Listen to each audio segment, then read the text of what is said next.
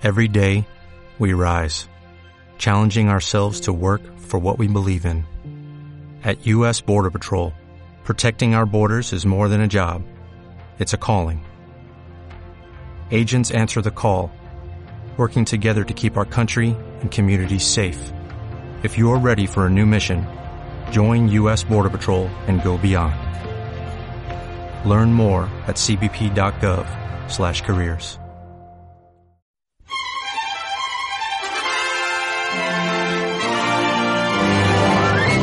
La Ràdio Municipal de Terrassa presenta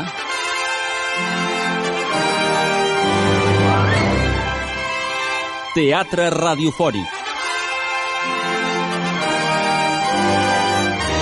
amb la companyia de radioteatre de la 95.2 Ràdio.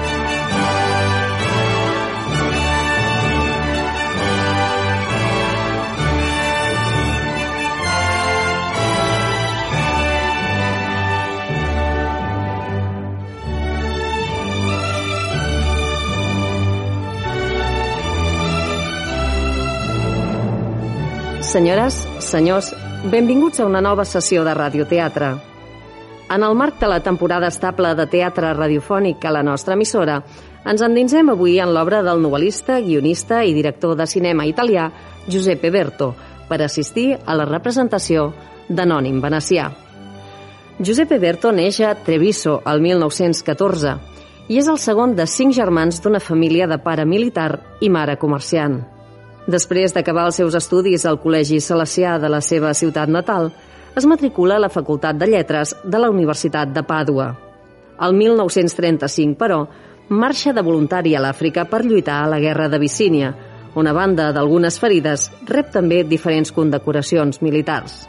El 1939, ja de tornada a casa, reprèn els seus estudis i es gradua amb força celeritat, no només ajudat pels seus mèrits acadèmics, sinó també per la benevolença dels seus examinadors, molts d'ells afins al règim feixista i partidaris que Berto llueixi l'uniforme i les condecoracions militars de manera habitual. Després de graduar-se, comença a exercir la docència, però ben aviat l'abandona per incorporar-se com a voluntari a la milícia de Seguretat Nacional. Incorporat a les tropes dels camises negres de Mussolini, és enviat novament a la lluita al nord de l'Àfrica, on el 1943 cau empresonat per l'exèrcit nord-americà i és enviat a un camp d'internament a Texas. És aleshores que, animat pels seus companys de cel·la, comença a escriure. Així, acabada la Guerra Mundial, la seva primera novel·la, El cel roig, de 1947, esdevé un èxit internacional i és guardonada amb el Premi Florència al seu país d'origen. Posteriorment, publica les obres de Déu, El bandoler i Guerra en camisa negra, Entrada a la dècada dels anys 50, Berto es trasllada a Roma i comença a treballar com a guionista per al cinema italià.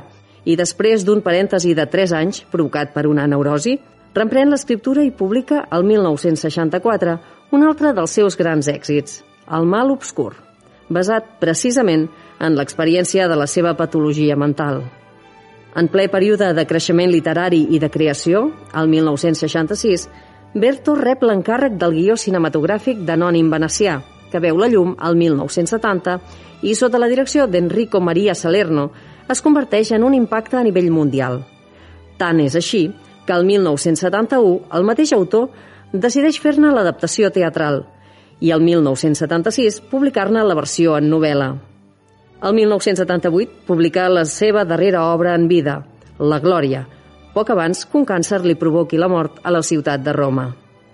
A banda del llegat de la seva obra literària, Berto compta amb l'honor de donar nom a un premi literari que s'atorga anualment des de fa ja més de 20 edicions que té com a objectiu el reconeixement d'autors novells que publiquin la seva primera obra de ficció. Anònim Venecià és la història del retrobament d'una parella trencada que es desenvolupa durant el transcurs d'un dia a Venècia vuit anys després de la seva separació. Ella, que ha refet la seva vida al costat d'un milionari a Milà, accedeix a la voluntat per retrobar-se d'ell, un oboista que pateix una malaltia terminal i que pretén fer realitat el seu somni abans de morir. En una Venècia ja degradada i envaïda pel turisme, molt diferent de la que era quan es van conèixer i enamorar, la nostàlgia els porta a reviure, breument, l'amor que entre ells va existir, però sense cap esperança de futur. Malgrat tot, ell, amb la complicitat d'ella, troba la manera de tirar endavant la seva darrera voluntat, fer l'enregistrament del concert per oboè i corda anònim venecià. La versió radiofònica que avui posem en antena és un enregistrament del quadre de veus de radioteatre de l'any 1989, segons l'adaptació de Lluís Barón, codirigida per ell mateix i per Joan Garrigó, i amb les veus de Maria Glòria Ferrés en ella i Joan Rodon en ell. Lluís Barón és també el narrador d'aquesta història, que compta amb el muntatge musical de Nina Mataix i la realització tècnica de Joan Borràs. Esperem que gaudiu de l'audició d'avui. Aquí comença Anònim Venecià, de Giuseppe Berto.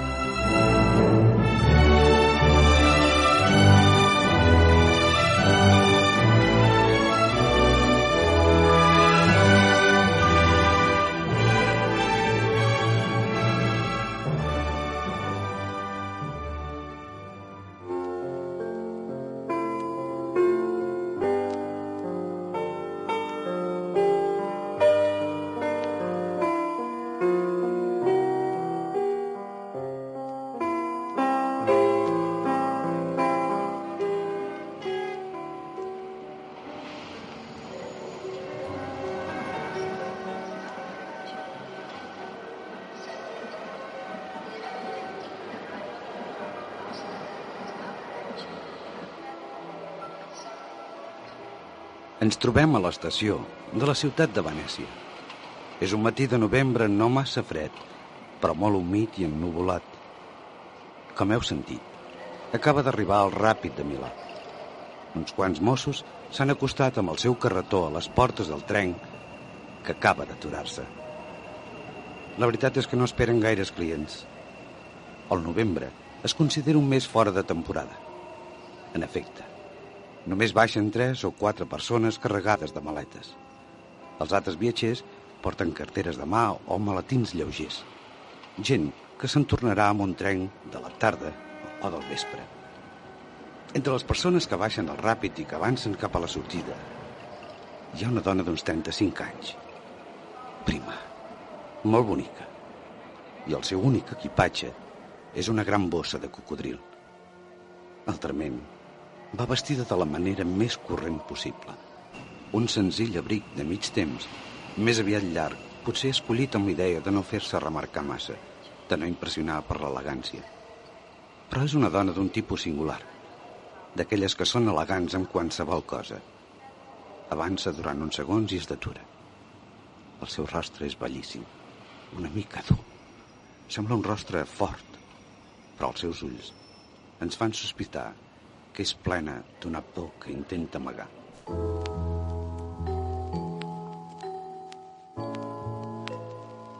Al límit de l'andana d'arribada, un home d'uns 40 anys vestit sense cura, però amb una certa extravagància d'artista, s'ha aturat davant per davant d'ella. Ell també té un rostre fort i clos i també revela una por interior que tanmateix aconsegueix dissimular més bé que ella es miren una estona abans de parlar. Gràcies per haver vingut. El meu advocat m'ha dit que em convenia. Si vols, d'aquí 58 minuts surt un directe per Milà. Andana número 7. Si et basten, seran 58 minuts. No. Bé, doncs aquí em tens. On vols que anem? Si tu no ho saps. Ara, tots dos baixen les escales d'arran del canal. Es disposen a pujar a la moto nou, que els durà per entre els ponts de pedra que creuen a banda i banda del canal, retallant, amb intermitència, un cel grisós. Em sap greu. No has trobat un bon dia? D'altra banda, gairebé ja som a l'hivern. Quin temps feia a Milà? Potser a Milà hi feia sol. Ciutat magnífica. Fa gaire temps que no havies vingut a Venècia. D'ençà d'aleshores, dec haver vingut eh, dues o tres vegades. I mai no m'has dit res. Ni tan sols una postal o un cop de telèfon. I per què te n'havia de dir res? I a més, no és cert. Una vegada et vaig escriure que venia. Volia parlar amb tu. En tenia necessitat. Fins i tot a la carta t'ho deia que en tenia necessitat. No em vas contestar. De debò? és possible. Si tu ho dius, és possible. No és possible. De- És així. Ah, doncs de segur, quan tu ho dius. Mira, ja, ja fa una estona que estem junts. Encara no m'has mirat la cara. A l'estació t'he mirat. Allà no se'n pot dir mirar. Tractaves de comprendre. Potser esperaves de llegir-me els ulls perquè t'he fet venir a Venècia. Per què m'has fet venir? Què en pensa el teu advocat? Ah, hm. per fi em mires? Com em trobes? Si és per en Giorgio que m'has fet venir, Amb què surts ara? T'he preguntat. Com et trobes? No em llegeixes a la cara els signes del meu destí? La glòria, per exemple? O la mort, potser? Són dues coses importants, si més no per l'interessat. ets el mateix de sempre. No has canviat ni per dins ni per fora. Eh, doncs tu sí que has canviat, almenys per fora. Tens unes arruguetes aquí als ulls que, que abans no tenies. Estàs molt bé, ets bonica. No saps que ets més bonica que aleshores? Qui hauria pogut imaginar? Es veu que els diners milloren a la gent. Eh, què em deies ara mateix d'en Giorgio? No deia res. Mm, Trobo que m'hauries de dir alguna cosa. Al capdavall jo... Mira, va al col·legi, com tots els altres nens. Un col·legi de capellans, suposo. Capellans de luxe, naturalment. Escola pública. Ah, molt bé. I quina classe fa? La segona mitjana? La primera. Just. Encara no té uns anys, ara que hi penso. Els fa d'aquí un mes. El 12 de setembre. El 7 de gener. Vols dir? Tinc mala memòria pels números. I a més, com a pare, sempre he estat un brètol. Tu també ho creus, oi, que sempre he estat un brètol? L'altre fill teu, quants anys té? L'altra és una nena. Té quatre anys. Carall, com passa el temps. I com se diu? Sílvia. Vull dir de cognom. Porta el cognom del seu pare natural o el meu? És legalment filla del seu pare i de la seva mare. Mm. El vaig anar a tenir a Anglaterra. Allà es pot fer, això. Erra Déu, el que es pot arribar a fer amb bitllets. Altrament era la solució més bona. Més bona per la nena. S'ha trobat un pare milionari. Tot això, naturalment, s'ha pogut fer perquè la nena és ciutadana anglesa. Aquí les coses eh, haurien anat d'una altra manera. Ara ja sembla que han instituït el divorci. De fet, eh, no hi entenc res en aquestes coses. I tant se val, perquè el nostre cas no està previst per la llei. No et preocupis. Aviat veuràs coses millors que els divorcis. Tingues confiança. Per què no vas comparèixer davant el Tribunal de la Rota cap de les vegades que et van convocar? Hauríem pogut obtenir l'anul·lació en tres o quatre anys. Més de pressa i tot, penso. El meu successor té molt de bo amb els capellans. Diuen, un oncle seu és bisbe, oi? No, no, no, no, bisbe no. Senador democristià, em sembla. Doncs eh, per què no et vas presentar mai? Mm, Perquè sóc un ximple. No en tens prou? Sóc un ximple. Mira, alça la vista. Passem davant de Can Foscari. Ja ho sé. Tenies... Tenies 19 anys. I havies fet tres cursos d'anglès en un any i mig. Un rècord. I eres contestatària, naturalment. Tot i que la contestació encara no existia, com jo per altra banda. Havíem decidit de fer una manifestació contra l'imperialisme yanqui. Tu eres del grup de Ca Foscari. Jo de Benedetto Marcelo. Ens havíem conegut a les 10 del matí tots dos animats de la mateixa sagrada fúria contra els Estats Units d'Amèrica. A les 4 de la tarda ja érem al mateix llit. en aquella cambra gelada del carrer de la Fondamenta de la Verona. Te'n recordes de la meva cambra de la Fondamenta de la Verona? Era la primera vegada. La primera vegada que anava amb un home. I l'home s'havia equivocat. Hm, Sempre passa així. Encara t'agrada El què? Venècia. És magnífica, oi? Fins i tot en un temps com aquest és bonica per morir-s'hi. No et sembla? Tant se val. No hi voldries tornar a viure? Al capdavall hi vas néixer com jo. Què vols dir? No vull dir res. No vull dir res més del que dic. Res més. Res més no és cap resposta. Per què m'has fet venir? Al cap de vuit anys. Així mateix. Ai, sempre respons de la mateixa manera. Què significa així mateix? Em fas por. I has vingut només per la por? Creus que no m'has fet patir prou encara? No sempre ho he fet a dretes. Alguna vegada era una força externa en mi que m'empenyia a fer, a dir coses que no volia. Potser estava una mica desequilibrat. El meu cervell mai no ha estat gaire segur, oi? Potser... Potser no eres del tot culpable del mal que em feies. Però em feies mal, tanmateix. I jo en sofria, comprens? Fos com fos, m'havia de defensar. I en aquests casos una només es pot defensar deixant d'estimar o intentant-ho. De debò, ja he sofert prou. Potser tens raó. Però després de tot redeu, han passat vuit anys. Vuit anys i tu encara ets al mateix lloc, clavada al passat. El mal que et puc haver fet. Mira, ja som a Sant Samuel. Podem baixar aquí i tornar a l'estació. Hi ha un tren a les 12.40. Andana número 5. Ja tinc la plaça reservada per al ràpid de dos quarts de nou. N'hi ha prou amb que arribi a casa a mitjanit. A casa? No puc dir a casa. Doncs com ho haig de dir, segons tu? M'haig de sentir com una marginada? Una entretinguda, potser? Ho sap ell, que has vingut a veure'm? És clar que ho sap. Les nostres relacions són lleials. No ens amaguem res.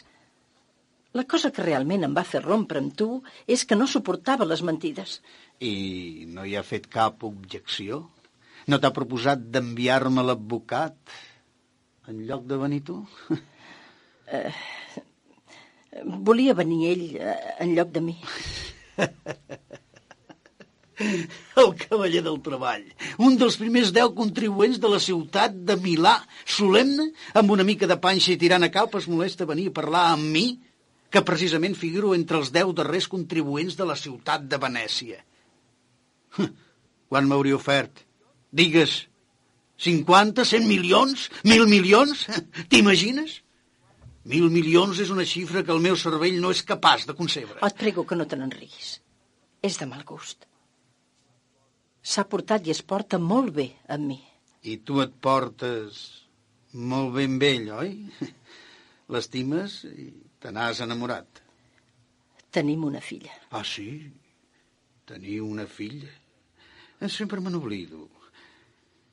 I en Giorgio?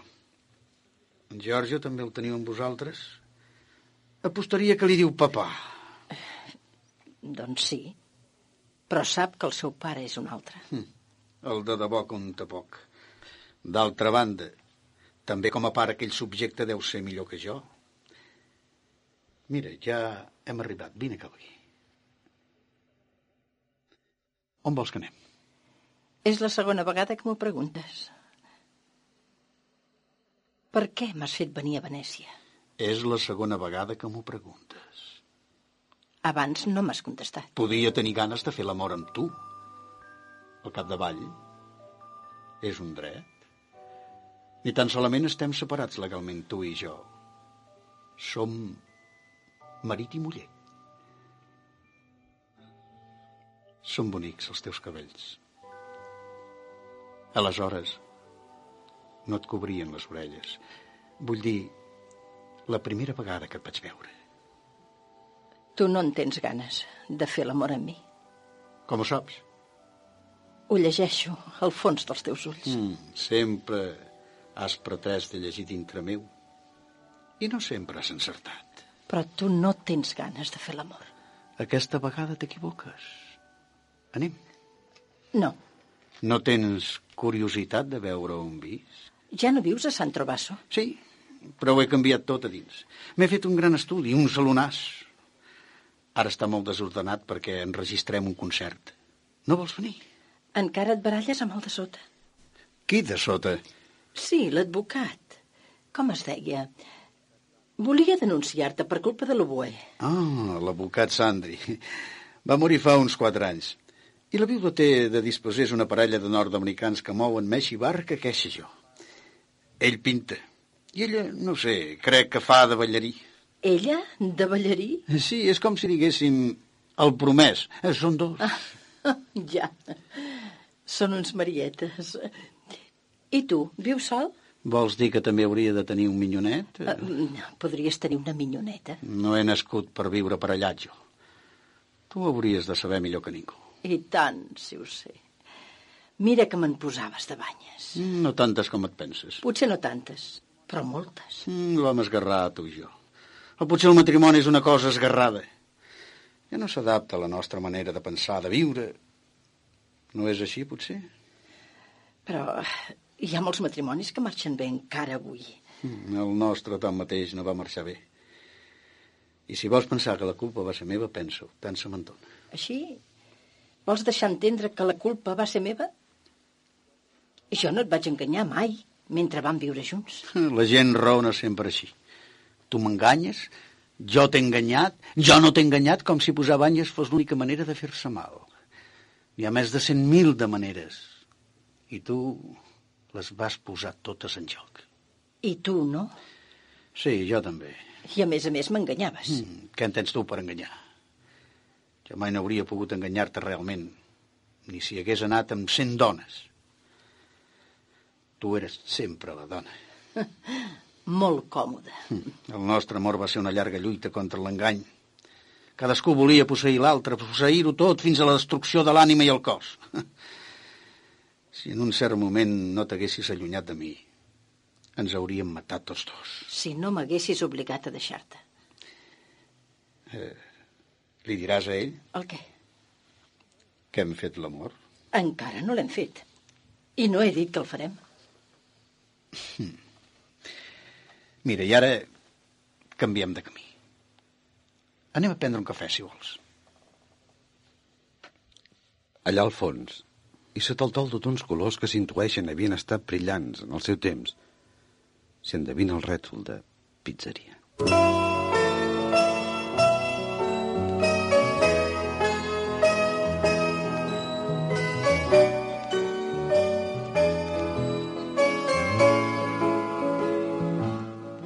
Tan aviat com el cambrer ha marxat, ell treu d'un tub unes càpsules que discretament ingereix, junt amb un glop d'aigua. Què és això que prens? Mm, Res, mm, pel mal de cap. Però és que n'has pres quatre o cinc de pastilles. Aquests darrers temps eh, sempre tinc una mica de mal de cap. No t'has fet mirar. Ai, els metges. Com més lluny, millor. Vols que entrem? Aquesta humitat no és bona. Mm, dins o fora tant se val. Mal per mal a fora. I el treball? Com et va? Toco l'oboe, oi? És el meu ofici. Oboista en la fenitxa.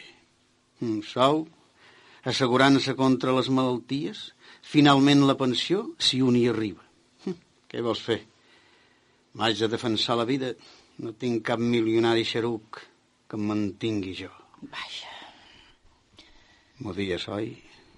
Confesseu. Es veu d'una hora lluny que m'odies. Ets tu que et fas odiar. L'odi. L'amor. Tot és un gran bordell. Ho diu l'Eclesiastès. Tant l'odi com l'amor són una il·lusió. Has llegit l'Eclesiastès? No. És un llibre de la Bíblia, el més curt, em sembla. Fa poc que em va sortir una nova traducció. La vaig comprar perquè sí, ara és el meu llibre de capçalera. En un miler de versicles i és tot. Tot allò que serveix per fotre's de tot. I sempre amb el punt just d'emoció. O si prefereixes d'autocompassió. I ningú no pot res sobre el dia de la mort. Sembla una obvietat, però prova de pensar-hi una mica. Si penses, de moment t'impressiona. Però després te n'adones que no és veritat. Alguna cosa poden els homes sobre el dia de la mort. Vols que demani un altre cafè? No, no. Abans has parlat d'un concert que enregistres. Què és? Res. Són uns xicots que tot just han acabat els estudis. Han format una orquestra de cambra. Eh, són molt ferms. S'ho fan tot ells. I tu? Mm, Toco la part de UE, quan hi ha. I els deixo l'estudi sempre que volen fer algun enregistrament. L'hem acondicionat tan bé com hem pogut. Ara enregistrem un concert per UE i corda. El primer temps ha quedat força bé. Ara treballem el segon. També us en sortireu. N'estic segura. Mm, tu sempre estàs segura d'alguna cosa. I jo no n'he encertada en mitja. Sempre has malgastat el teu talent. Però en tens molt, em consta. Mm, Tens raó. Sóc un geni. Recordes quan somiava arribar a ser un gran director d'orquestra? Un Toscanini? Ho admeto. Circumstàncies adverses m'han limitat i sóc simplement un font carallant. Eh, Fixa-t'hi. Eh, som a la Fenice. No, si penso bé, de la Fenice ja en tinc els d'allòs plens. Eh, Més ben dit, som, som a Londres, a l'Albert Hall, una orquestra de 120 executants, totes les meves ordres. La sala plena d'un públic meravellós. La meva entrada és acollida per una salva d'aplaudiments. Baix de frac, naturalment. Eh, pujo al podi. Eh, si et plau, ac- acosta'm la cadira. Així, des d'aquí dalt. Estarà més bé. Molt bé. Eh, senyores i senyors, després, d'una manera totalment desacostumada, pronuncio una breu elocució i dic Senyores i senyors, més ben dit, ladies and gentlemen, encara que no sigui costum de fer-ho, permeteu-me que dediqui aquesta execució a la que sempre m'ha acompanyat amb el seu amor i amb la seva fe en el meu geni, la meva muller. I faig un gest així, lent i respetuós, assenyalant cap a la llotja on estàs tu. Dono mitja volta i em quedo mirant el faristol on hi descansen les particel·les. Aixeco el cap i... Perfecte. Tots els músics em miren atentament, prestos a obeir el senyal del meu braç. Som-hi! Déu,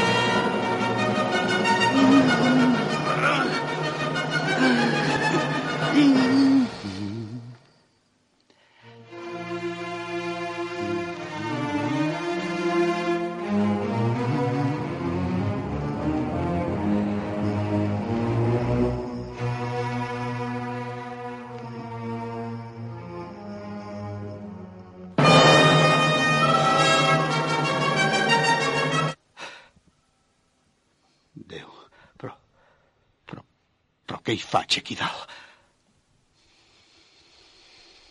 Déu meu.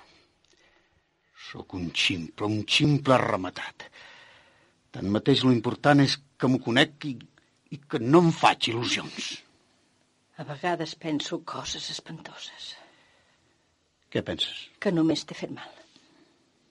Que si no hagués estat jo, hauries arribat a ser un gran director. Romansos. No oblidis que Sòcrates, a despit de la seva dona, va arribar a ser Sòcrates. A més, quants anys fa que vivim separats? Tu no hi eres i no he avançat ni un pas. No, no. No hi ha fusta. Sobretot no hi ha hagut força de voluntat. Mira, val més així. I per què? Per coses que jo em sé. Però aquest concert que estic fent ha de quedar bé. Cal que en quedi. I quedarà bé. No tinguis por. Déu, em treus un grapat d'anys del damunt. Vine, Acosta't. Dóna'm la mà. Però, però què hi fem aquí aturats? Anem! Anem!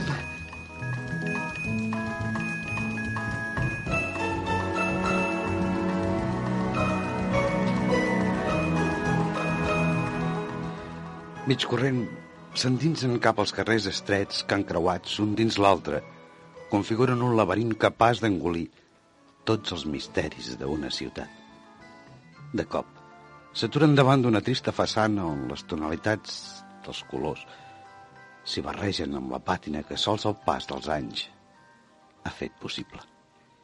Mira, és aquí. Aquesta és la primera porta. Aquella la segona i aquella la tercera. La meva. Recordes? Primer pis. Un sol tram d'escala. Però quan hi arribava sempre tenia el cor a la gola. No entenc a quin joc vol jugar. Jo? Per què? Creus que un home com jo no pot tenir febleses sentimentals? Pensa una vegada a la vida. Què fas? Has trucat? Em fa vergonya. Et fa vergonya? Per què? Entre altres coses, som marit i muller, encara que no ho sembli, i que no ens en recordem mai. Tant de bo no sigui la mateixa portera d'abans. La mateixa? Aleshores ja devia voltar als 90 anys. Temps ha que deu fer malves. Però és simpàtica, la velleta. I si encara fos viva? I ja... Perdoneu-nos, voldríem entrar un moment. De jove vaig viure en aquesta casa.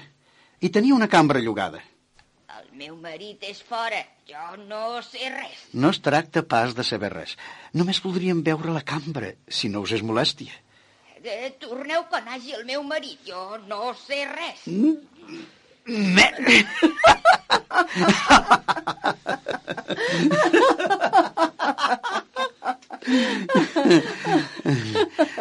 tu eres així, com en aquest instant.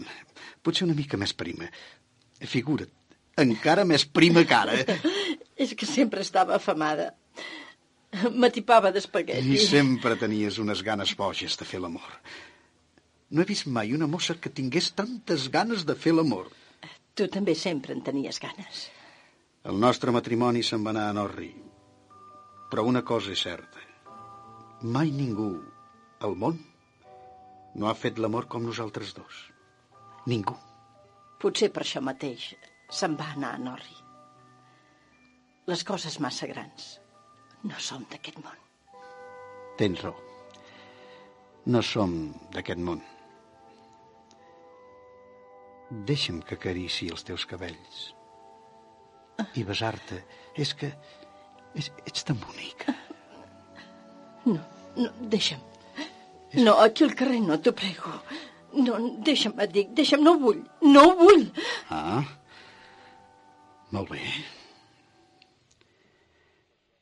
La setmana passada vaig ser a Milà. Vaig veure el teu home. Què dius? No t'esveris? El vaig veure de lluny quan sortia de la fàbrica. Com ho fas per fer l'amor amb ell? Això no t'interessa. Sóc jo qui fes l'amor, no tu. D'acord, ho m'admeto. I només el fas amb ell o el fas a més amb algun altre? Doncs mira, alguna vegada el faig també amb d'altres. Però què dius? Té. Té el mocador. Aixuga't. Tens una mica de sang al llavi. Perdona. Aquesta vegada també m'he equivocat. Sempre m'he equivocat. I per què te n'estranyes? Volem equivocar-nos. Les nostres s'acosten molt a unes relacions sadomasoquistes. Ho saps més bé que jo. No pas aquesta vegada, ho juro. Mira, hi ha un tren a les 2.48. Tens temps d'agafar-lo. No. Ara sóc jo que et vull parlar. Així doncs vas anar a Milà Ja t'ho he dit, la setmana passada. i volies veure la Tílio. Qui és la Tílio? El meu home, com dius tu. Oh, és... és el teu home. Fa cinc anys que esteu junts. I teniu una filla, oi? Sí. I ens hauríem casat si tu no haguessis obstruït l'anul·lació. No va ser obstruccionisme. doncs devia ser menfotisme. encara és pitjor. No, no, no, no, no, no, no, no, no, no t'ho sabria explicar. Quan ens vàrem separar volia perdre't, però mai no m'he resignat a perdre't del tot. Deu ser una confusió de sentiments. Potser hauria d'haver anat a trobar un psiquiatre. I què li volies a l'Etilio? T'imagines que el volia per diners, oi? I penses que t'he fet venir a Venècia per demanar-te diners. Potser a canvi de l'anul·lació. És possible. Doncs mira el que dius. Me'n fot dels diners. Fa dos anys que vaig estar a punt d'anar a la presó per un xec sense fons. I no et vaig demanar res. Avui no necessito res. No sabria què fer-ne dels diners. Doncs què hi vas anar a fer Milà? Tant t'interessava veure l'Atilio de lluny? L'Atilio. Un cop allí vaig tenir curiositat de veure'l. Només curiositat. En realitat us volia veure a vosaltres dos, a tu i en Giorgio. En Giorgio? Eh, tu et vaig veure. A la tarda, poc abans de les cinc. Vas aparèixer al pòrtic de casa teva i vas pujar al taxi que t'hi esperava. Anaves molt elegant. Avui t'has vestit de pobre. Hmm, temies el cop de sabre, oi? O potser ho admeto. No volies humillar-me amb la ostentació de la teva riquesa. No t'has posat cap joia? Ni un anell al dit? Què n'has fet de l'aliança? I en Giorgio? En Giorgio no sé si el vaig veure o no. Entre la una i les dues van entrar al palau on vius tres noiets de l'edat del nostre fill que tornaven de l'escola. Un d'ells era bastant alt, morè, amb cabells llargs, un jersei blau i un impermeable lleuger d'aquests que ara es porten. Vaig tenir la impressió que s'assemblava una mica. Esperava sentir la veu de la sang, que diuen. Hm. Però no va funcionar. Potser només funciona pels pares decents. Per en Giorgio tampoc es veu. Abans de venir, he parlat amb el meu advocat. Ja m'ho has dit. Jo, en canvi, no t'he dit que també vaig parlar amb un advocat abans de telefonar-te. Suposo que et devia explicar que no pots fer res contra mi. En quin sentit?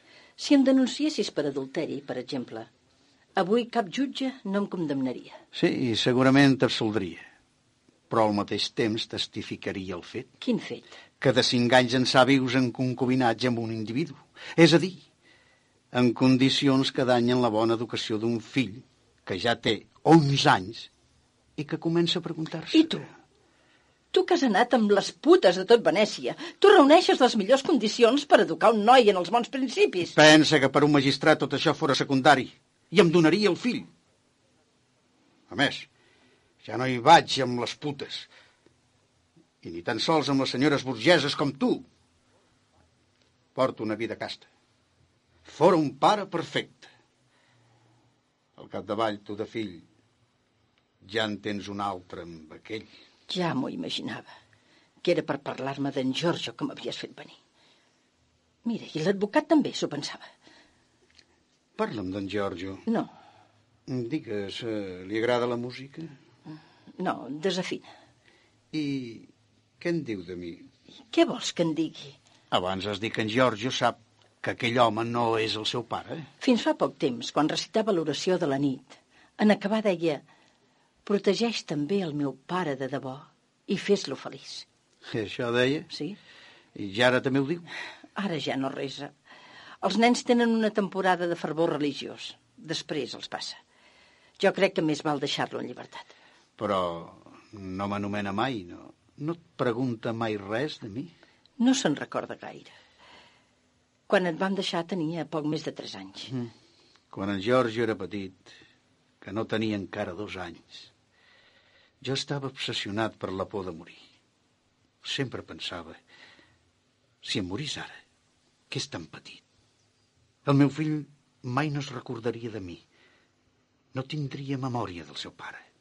Com si no hagués existit mai. Quina idea més simple, oi? Potser d'altres pares també la tenen. Per exemple, el teu home. No té por de morir? Potser com que és tan ric, es creu immortal.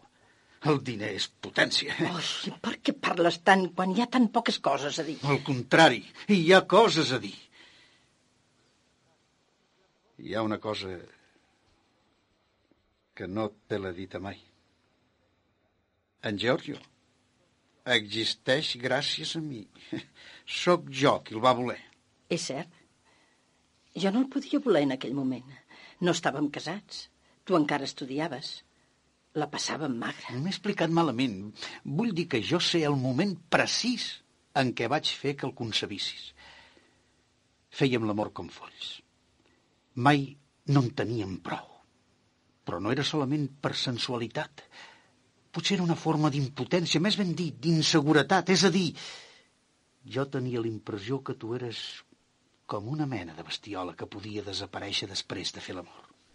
Aleshores, ja no em comprenies. Cada cop pensava, no tornarà més. Ja veuràs com no tornarà més. I per això un bon dia vaig decidir deixar-te embrassada. Em vaig dir, avui li col·loco un fill a la panxa. I així va ser. N'estic segur. I amb això vols dir que en Giorgio és més teu que meu. No. Has dit que jo era una bestiola. Doncs ara encara ho sóc. Però ara tota la meva voluntat, tot el meu calor animal, els he posats en els meus fills, Giorgio i Sílvia, indistintament, tots dos.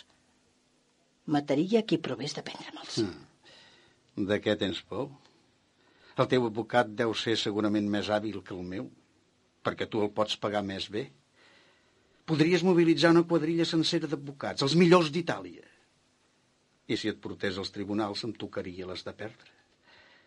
En aquest país, i en molts d'altres també, qui té diners té raó.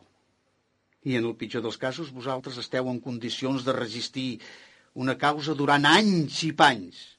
I en darrera instància, sempre et quedaria el recurs d'agafar en Giorgio i fugir a Venezuela o a Mèxic. El teu home té negocis allà baix? Ho sé de bona tinta. Jo no vull saber res de tribunals. Ni vull fugir enlloc. Vull guardar en Giorgio perquè tu no hi tens cap dret. Jo l'he criat. I el començament no va ser gens fàcil. Em vas deixar sense un cèntim. Prou tu saps que no en tenia. Vaig haver de fer de tot. De venedora, de mestre suplent, de cosidora, de maniquí... Fins que vaig trobar la Tilio. I te'n vas enamorar. Ai, no facis ironia. És una crueltat estúpida la teva. La Tilio m'estima i estima en Giorgio, i en Giorgio es troba bé amb nosaltres. No dic que no li falti res. No, seria idiota. Parlo de l'efecte, del clima familiar. No destrueixis també això. Ja les hem maltractat prou, les nostres vides. Però si jo no el vull, en Giorgio.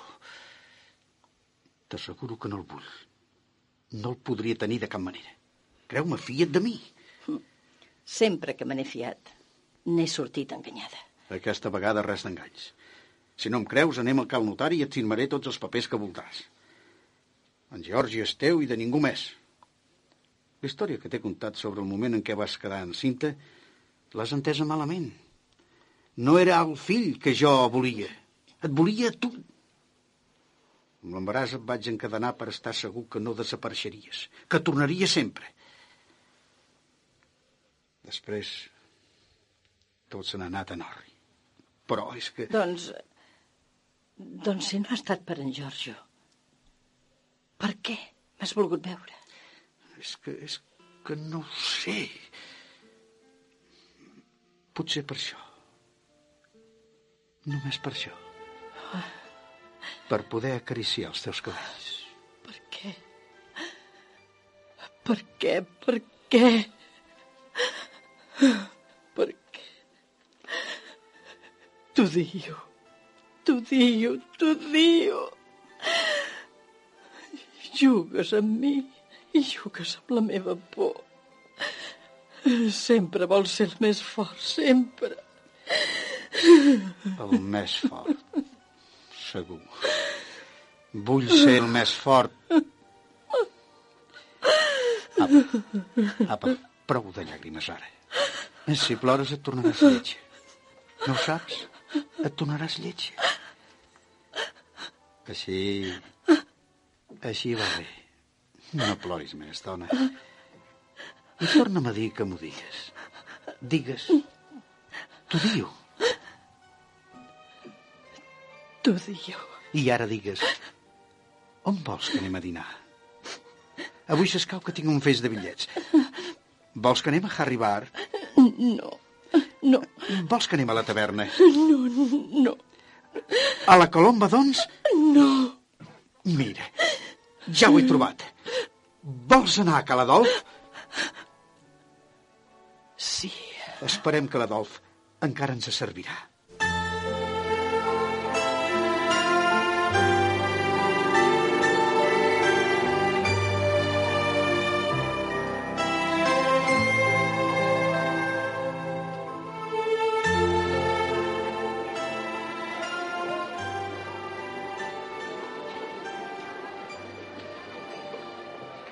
L'olor de la pasta daurada al forn es deixa sentir tot just obrim la porta d'aquell petit restaurant que no desentona gens entremig d'aquelles cases rònegues. Una senyora d'unes grans dimensions es mou per entre les taules, atenent a tòria dret els clients. Les converses queden tamisades entre el murmuri de la gent i el fumejar dels plats. veus molt? Ja és el tercer vas que t'aboques. Tres vasos no són gran cosa. No deixen de ser tres vasos. És el primer moment que et comportes com una muller.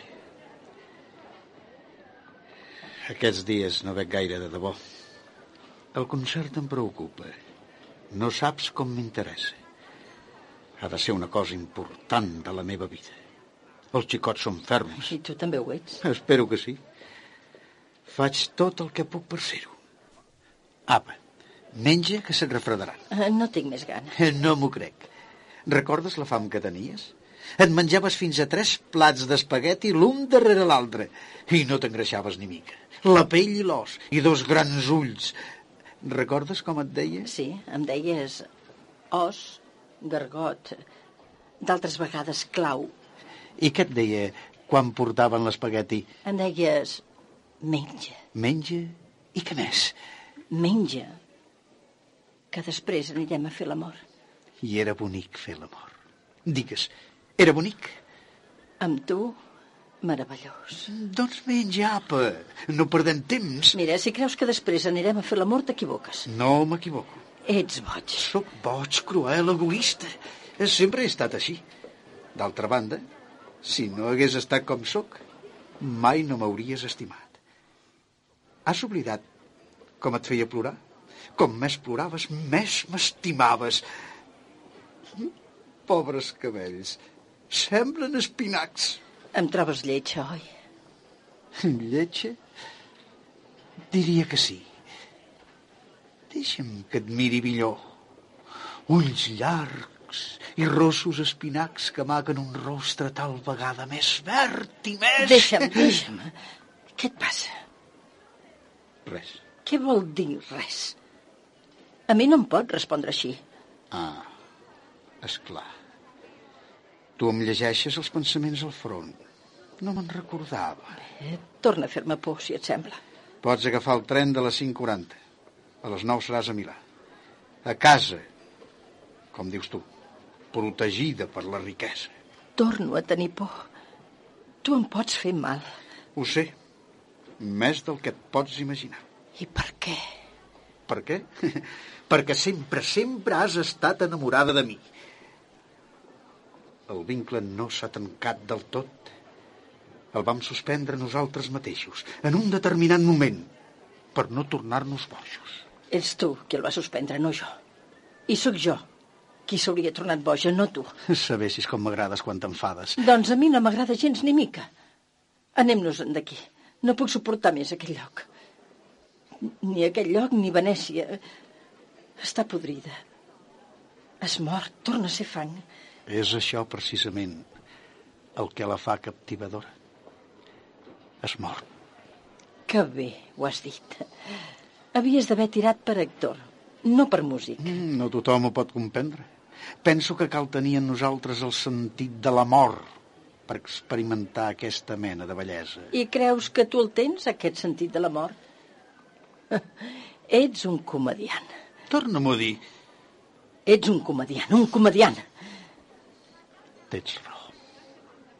Soc un comediant. Però el fet és que m'estic morint. De debò. Bueno, què significa això? Tots ens estem morint. Però jo Em moriré més aviat. Cinc o sis mesos han dit els metges. I ho van dir fa cinc mesos. És una enredada, oi? Una altra enredada? No. Tinc un mal aquí, al cap, en aquest punt. I no hi ha res a fer. No és veritat. Els metges no li ho diuen mai al malalt que està condemnat. Eh, però jo he estat més murri que els metges. Primer vaig anar al consultori d'en Feixini, aquí a Venècia. I vaig ensumar que la cosa era important. Després vaig anar a Pàdua, on em va visitar el doctor Frossi. I aquella vegada em vaig fer acompanyar per una amiga que figurava la meva dona. I a ella, en Frossi, li va dir tot. Fins li va donar les radiografies del cervell, perquè ella li va dir que volia fer-les examinar per algun altre especialista a Milà. Ara no solament sé què tinc, sinó també el que em passarà. Em faig fàstic. Hauria de patar sense dir res a ningú. Un no té dret de... No, no és possible que no hi hagi res a fer. Potser aquí. Però a Suïssa, als Estats Units... Mira, la Tilio, si jo li ho dic, no has de preocupar-te pels diners. No té el dret d'anar a dir a una dona que va plantar fa vuit anys allarga'm la mà, ajuda'm a morir. No, no és just. Encara que tu i jo ho sapiguem, que entre nosaltres no tot s'ha acabat.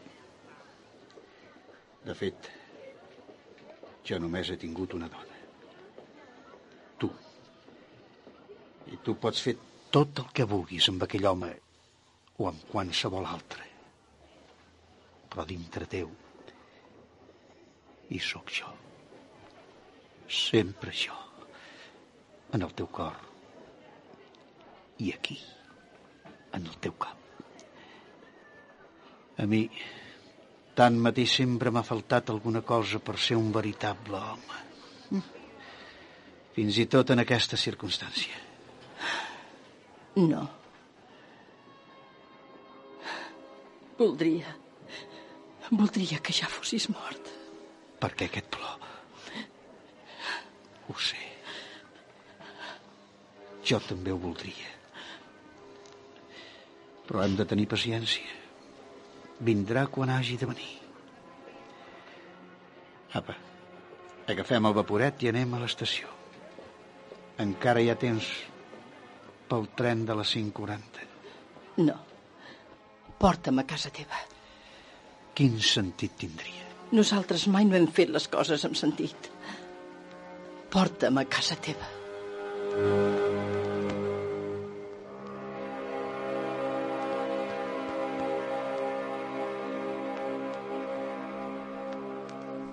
L'estudi es podria definir com una estança relativament gran, on en la part central hi resten dempeus una dotzena de faristols i adossat a les parets aparells d'enregistrament, un piano, llibreria, un nombre indeterminat de cadires, el llit i un munt de partiseles damunt d'un moble. A les parets, algun cartell anunciant un concert. La finestra i al seu darrere al capvespre. El magnetòfon descobreix les notes del concert per oboe i corda d'Alexandro Marcelo.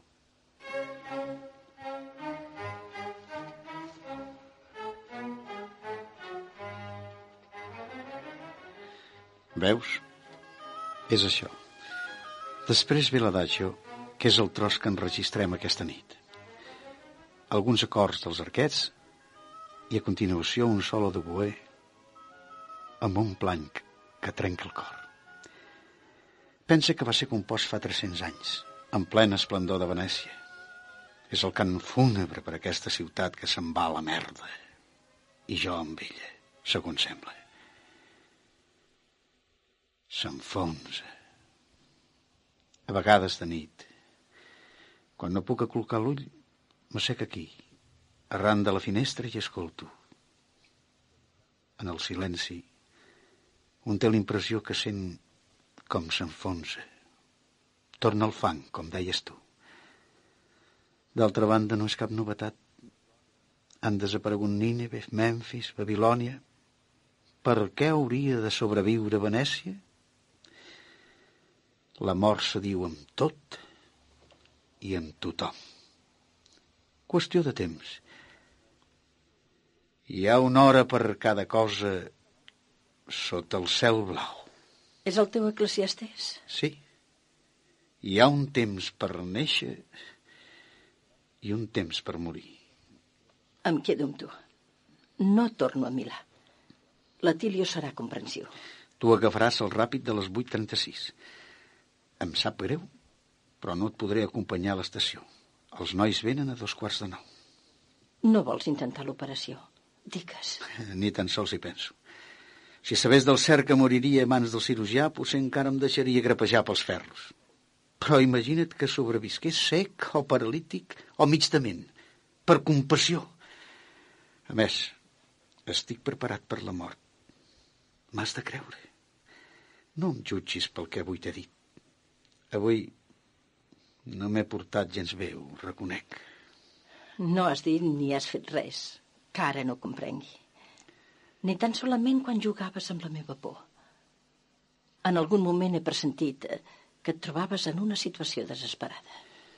Aquests darrers dies, mentre t'esperava, m'entretenia imaginant com passaríem les hores tu i jo. Anant d'una banda a l'altra, visitant els llocs més, més bonics, els que més ens agradaven quan érem minyons, xerrant. Realment, mai no havíem parlat tu i jo. O fèiem l'amor o ens barallàvem. Aquesta vegada M'hauria agradat parlar de coses qualsevol, el més estúpides possible. I tu després hauries comprès. Després hauries comprès, però sense sofrir-ne gaire. I potser m'hauries agraït. I m'hauries admirat com un home fort. En lloc d'això hem començat a disputar com de costum. I després, el moment que m'ha semblat millor, t'he etzibat de sobte. Compte, noia. No saps que m'estic morint? Temor, narcisisme, necessitat de consol. Tots sentiments d'infant. No he sabut créixer, això. Mira, si no vols que em quedi a Venècia, vine tu a Milà. A casa teva? Delicioses vetllades amb el cadàver imminent. Per què a casa meva? En una clínica. Jo estaria sempre a prop teu. No, tinc enregistrament, el concert. Després de l'enregistrament, doncs? No, no podria morir. No podria esperar la mort en una ciutat que no fos com aquesta. I no pas perquè hi ha nascut i he viscut, ni perquè l'estimo i l'odio, sinó perquè li pertanyo, com si ella i jo fóssim una mateixa cosa. I perquè està podrida i tinc l'impressió que ens morim alhora. Aquest destí comú fa menys dura l'acceptació de la mort. Has llegit Mort a Venècia? Potser sí, però fa tants anys que no me'n recordo. A mi em passava el mateix. Però ara l'he rellegida. Saps, un ho busca tot quan es troben les meves condicions. Doncs bé, em sembla que aquesta vegada he arribat a comprendre aquest llibre és la història d'un escriptor alemany, home íntegre, amant de l'art i de la bellesa.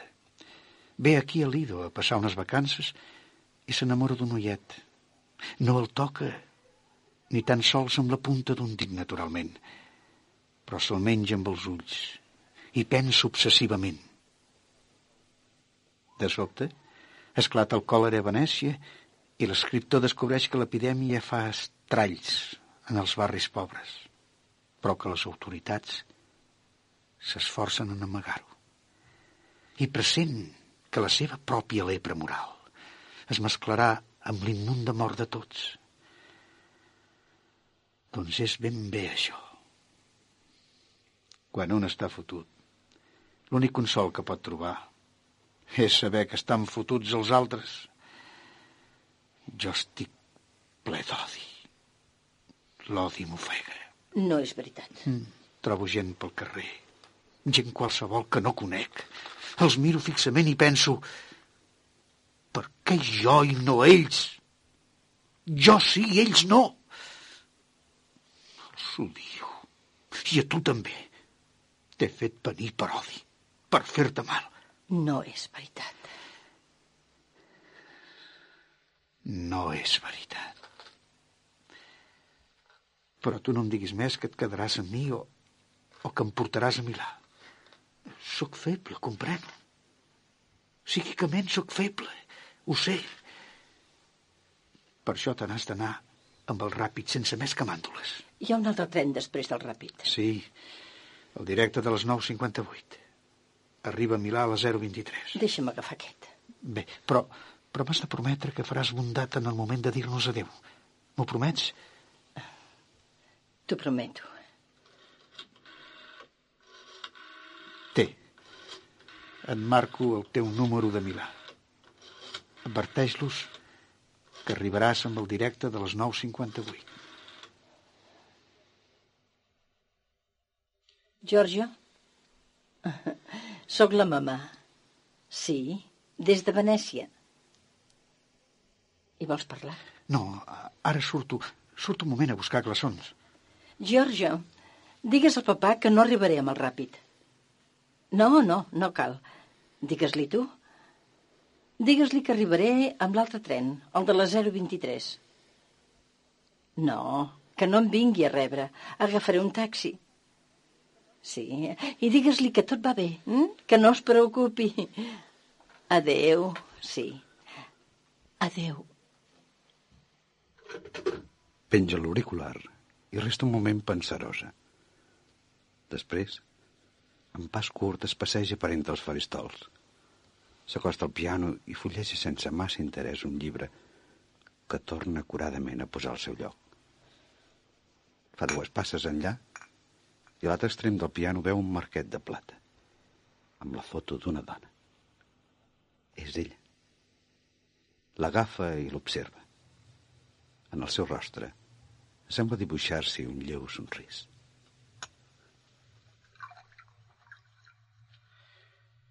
Vols un whisky o t'estimes més que et faci un cafè? Whisky, gràcies. Amb gel? Com el prens tu? Estava segur que vindria aquí, oi que sí? Per què? Per això, per la fotografia. Ben a la vista, eh? La teva fotografia és sempre aquí. Les dones que et visiten, què diuen? La dona de la neteja diu que ets molt bonic.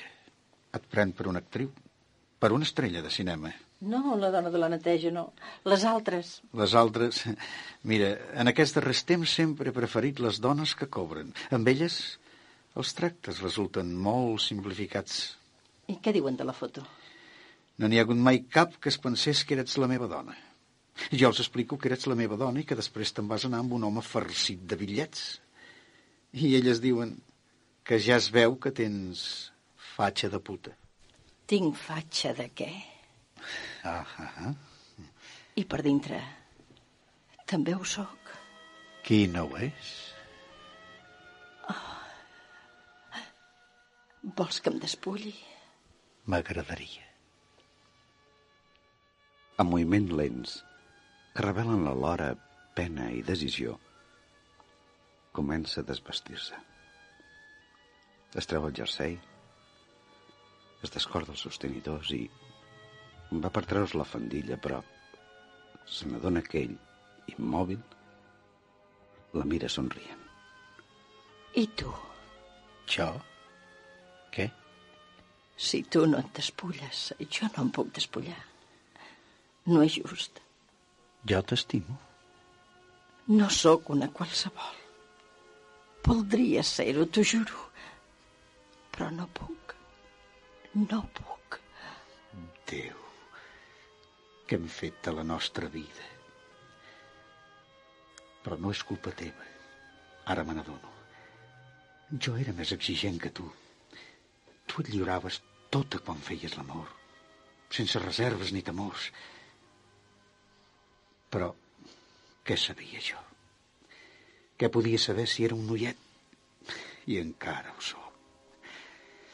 Mai no arribaré a ser home. No tindré temps.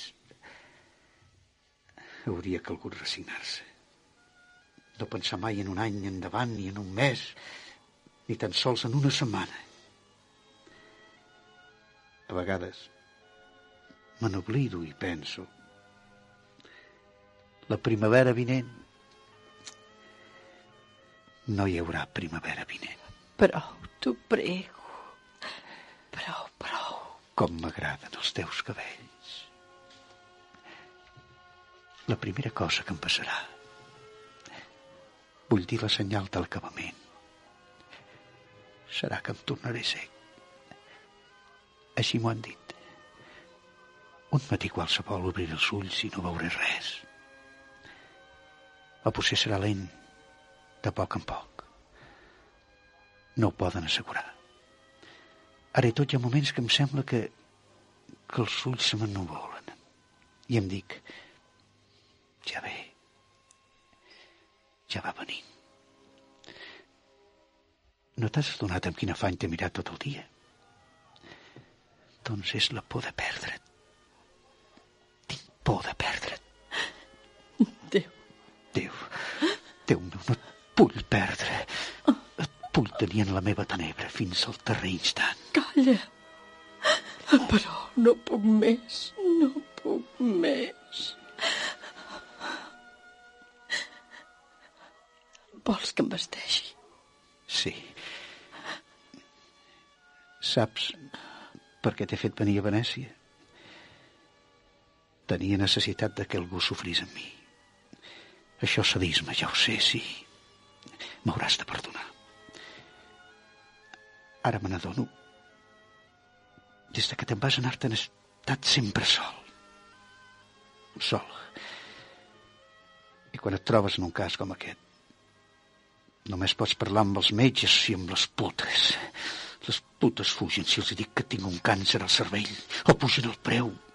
Bé que ara l'única cosa que vull és que em donin és conversa, que m'escoltin.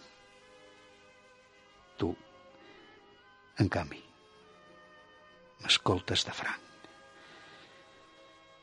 És això el que volia de tu.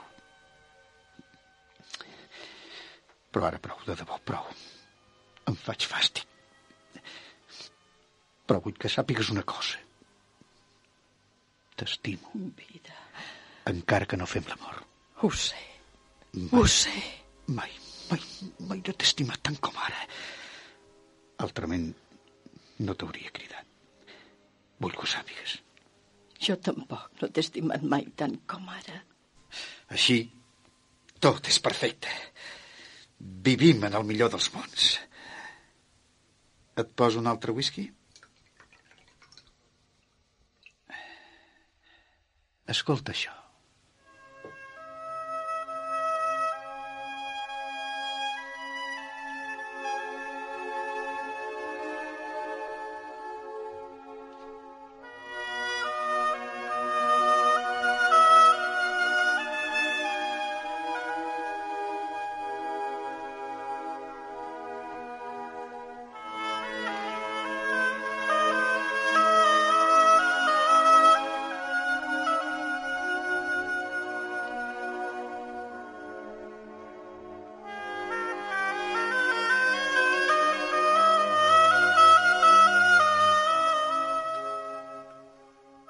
És bellíssim.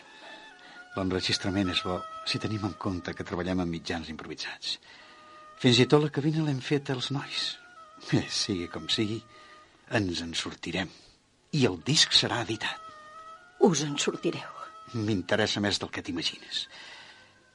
És tot el que restarà de mi, dels meus somnis, de les meves ambicions. I el meu fill, saps? La vella idea de què et parlava. El meu fill no tindrà memòria del seu pare. Em torna a tormentar aquests dies. El vaig abandonar quan tenia tres anys i fora insensat d'anar-lo a cercar.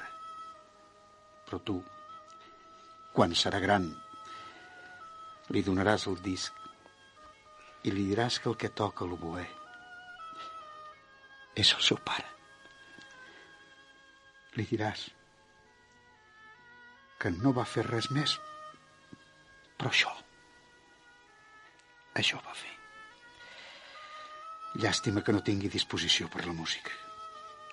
No és veritat. Abans m'has dit que desafinava. Ho he dit només per despit. No canviaràs mai. Mai.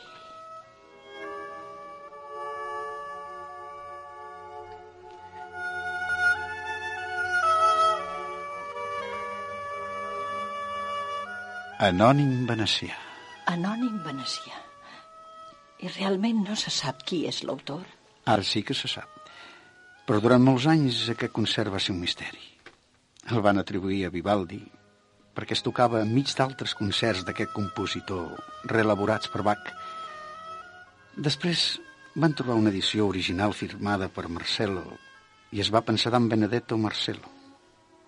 Finalment, fa 20 anys, es va descobrir una altra edició impresa a Amsterdam, a començaments del segle XVIII, amb el nom complet. Alessandro Marcelo, un germà més gran que Benedetto i no tan cèlebre com ell. És bonic que l'obra surti de l'anonimat i l'autor sigui conegut encara que no brilli entre els més cèlebres. Quan aparegui el disc, naturalment li posarem el nom veritable. Però ara i tant ens agrada anomenar-lo Anònim Venecià. Tots nosaltres, en el fons, som anònims venecians. No veus massa. No. Mira, si són apenes unes gotes. Aquesta nit tenim enregistrament. Ara descobreixo que sóc molt diferent de com em creia ser. He viscut en la convicció que era un brètol sense dignitat. I ara que estic a punt de petar, ara que podria comprendre en tot el seu significat la buidor i el no res de les coses, se m'imposa el sentiment del deure. El concert per lo bo i corda que vull deixar a la posteritat. Però quan hauré acabat l'enregistrament, m'emborratxaré fins a la folia. Tots els dies que em restaran. Em plau de saber que podré fer-ho, que estaré lliure de tota responsabilitat.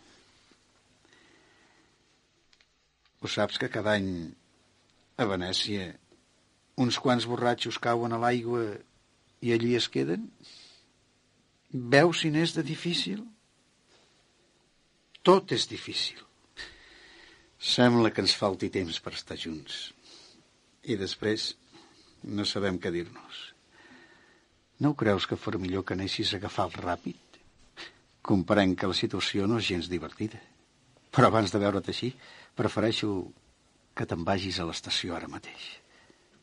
Et fa res posar-me unes gotes de whisky? Mm, sí.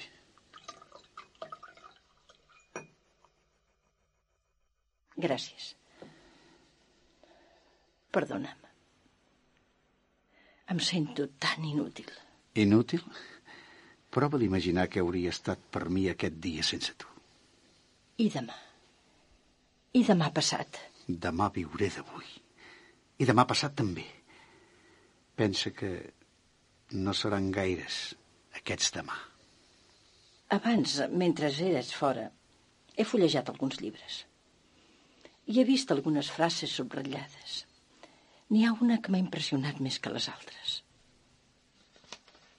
És aquesta. El suïcidi com intervenció de l'home en un dels dos fets que li escapen, la vida i la mort. Sí, del llibre La irrealitat quotidiana d'Oteri. És bo, oi? Corregeix una mica la meva adhesió a l'eclesiastès quan diu que ningú no pot res sobre el dia de la mort. Alguna cosa és possible sobre el dia de la mort i, sobretot, de la nostra mort. Quan un es troba en un cas com el meu, és natural que de seguida pensi en el suïcidi. La vida et vol fotre i tu avances i la fots amb ella. Amb un acte potser ridícul. Però no t'has suïcidat. Hm. Tinc el concert entre mans. Vull deixar el concert al meu fill. He estat un pare massa ximple i ara sento aquesta obligació. I després del concert? I pensaré. Ah, no, tu no et suïcidaràs. Vols dir que no sóc un Hemingway? No, no el sóc.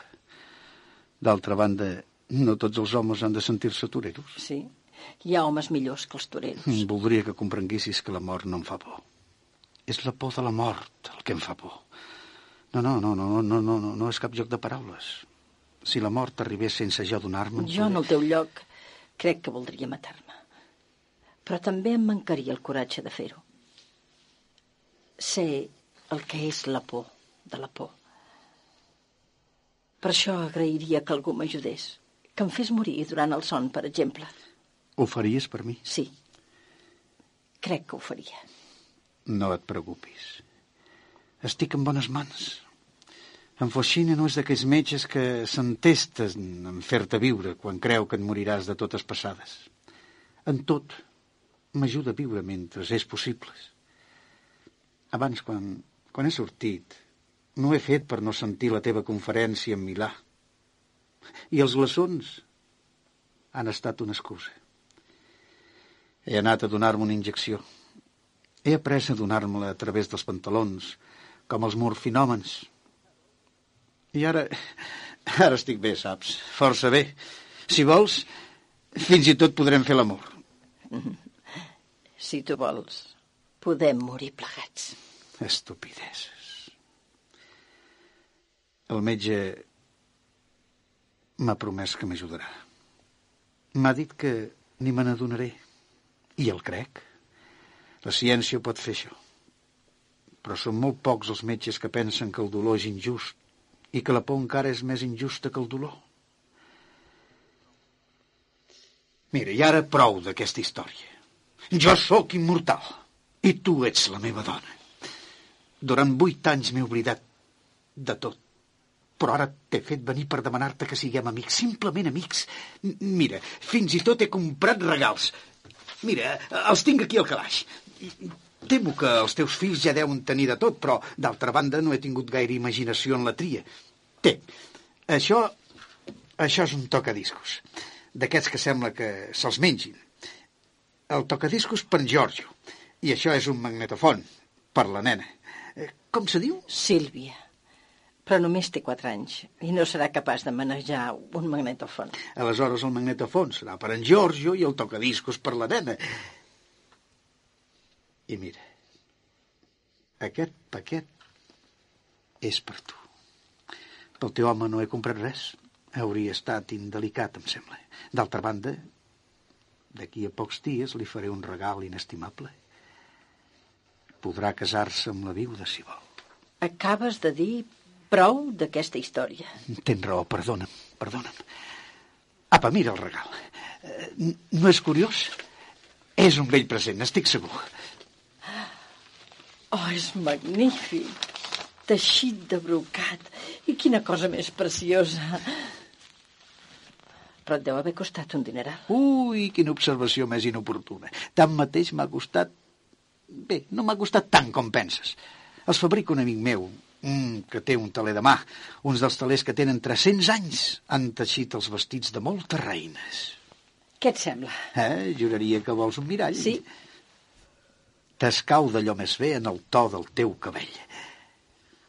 En la vida de la majoria de les dones, fins al dolor més gran desemboca feliçment a l'emprova d'un vestit nou. I per què ho dius, això, ara? No són paraules meves, ho hauries de saber. Són de Perú, si fa o no fa. Sí, sí, és veritat. Bé, no sé si el sabré tornar a embolicar. M'ajudes? Mira, ha estat un error fer-te venir. Sigui com sigui, ha estat un error. Has perdut el ràpid.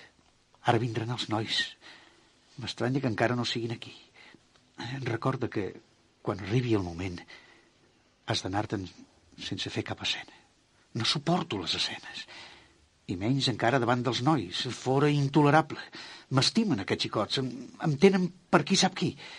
No podria permetre'm que una dona com tu, una dona qualsevol en el fons, l'entretinguda d'un milionari que si li escau li posa banyes i que... Déu. Déu meu. Digues. Digue'm alguna cosa. Fes alguna cosa mal feta. Tinc necessitat d'odiar-te, comprens? Si t'odio, no sofriré tant. Déu meu. Déu meu. Vull morir amb tu. Deixa'm. Deixa'm que mori amb tu. No, no ho diguis, això. Això no. Això és estúpid. Oh, les teves mans. I com les estimo. I els teus cabells. Amor. Es miren intensament. Els seus cossos es fonen en una abraçada. Les paraules deixen pas al bes, que conté a la vegada la melangia d'un passat i la tristor d'un adeu. Ha passat una eternitat, o només un instant.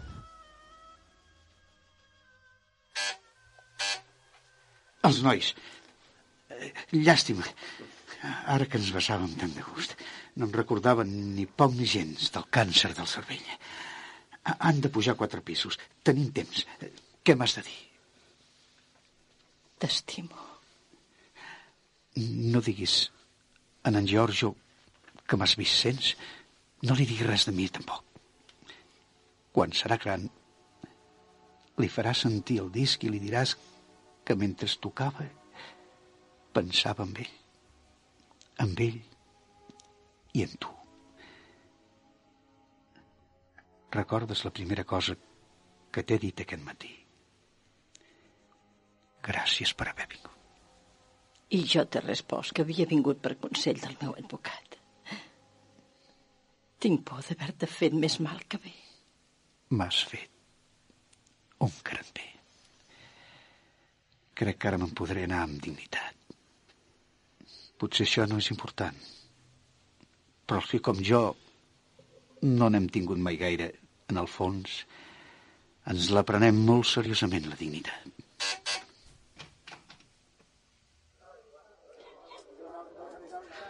Sona de nou el timbre. Ell va obrir de seguida. Els nois i les noies entren un darrere l'altre. Alguns porten instruments musicals. Són alegres i desimbols. Passeu, nois. Aquesta és la meva muller. Has vist? Per la cara que fan, no s'han cregut que ets la meva muller. La cosa més difícil de fer creure als altres és la veritat. I qui sap quantes mullers els has presentat fins avui? No ho recordo. Sis o set, potser. Mira, se seu aquí, si et plau. Procura no fer soroll. Aquí tens el llibre de què et parlava. És petit, però preciós. Obre-la a l'atzar i sempre trobaràs alguna cosa que et convé saber.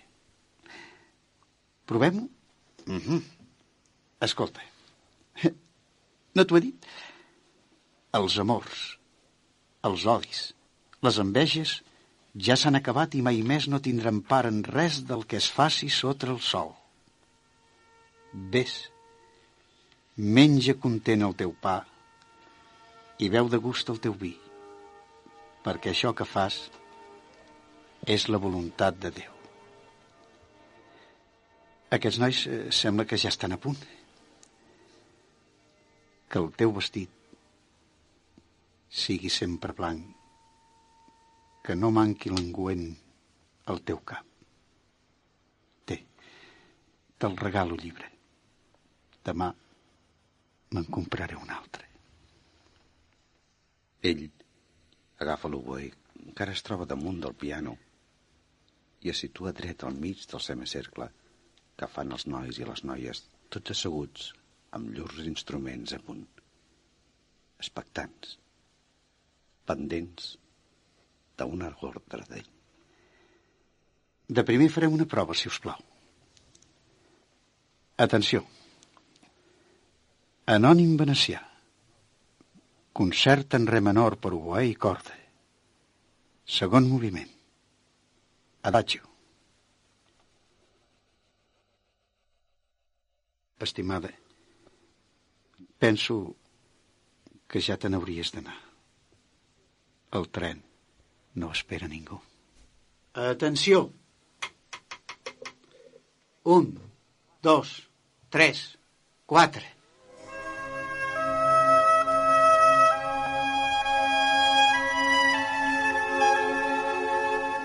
Adeu, amor.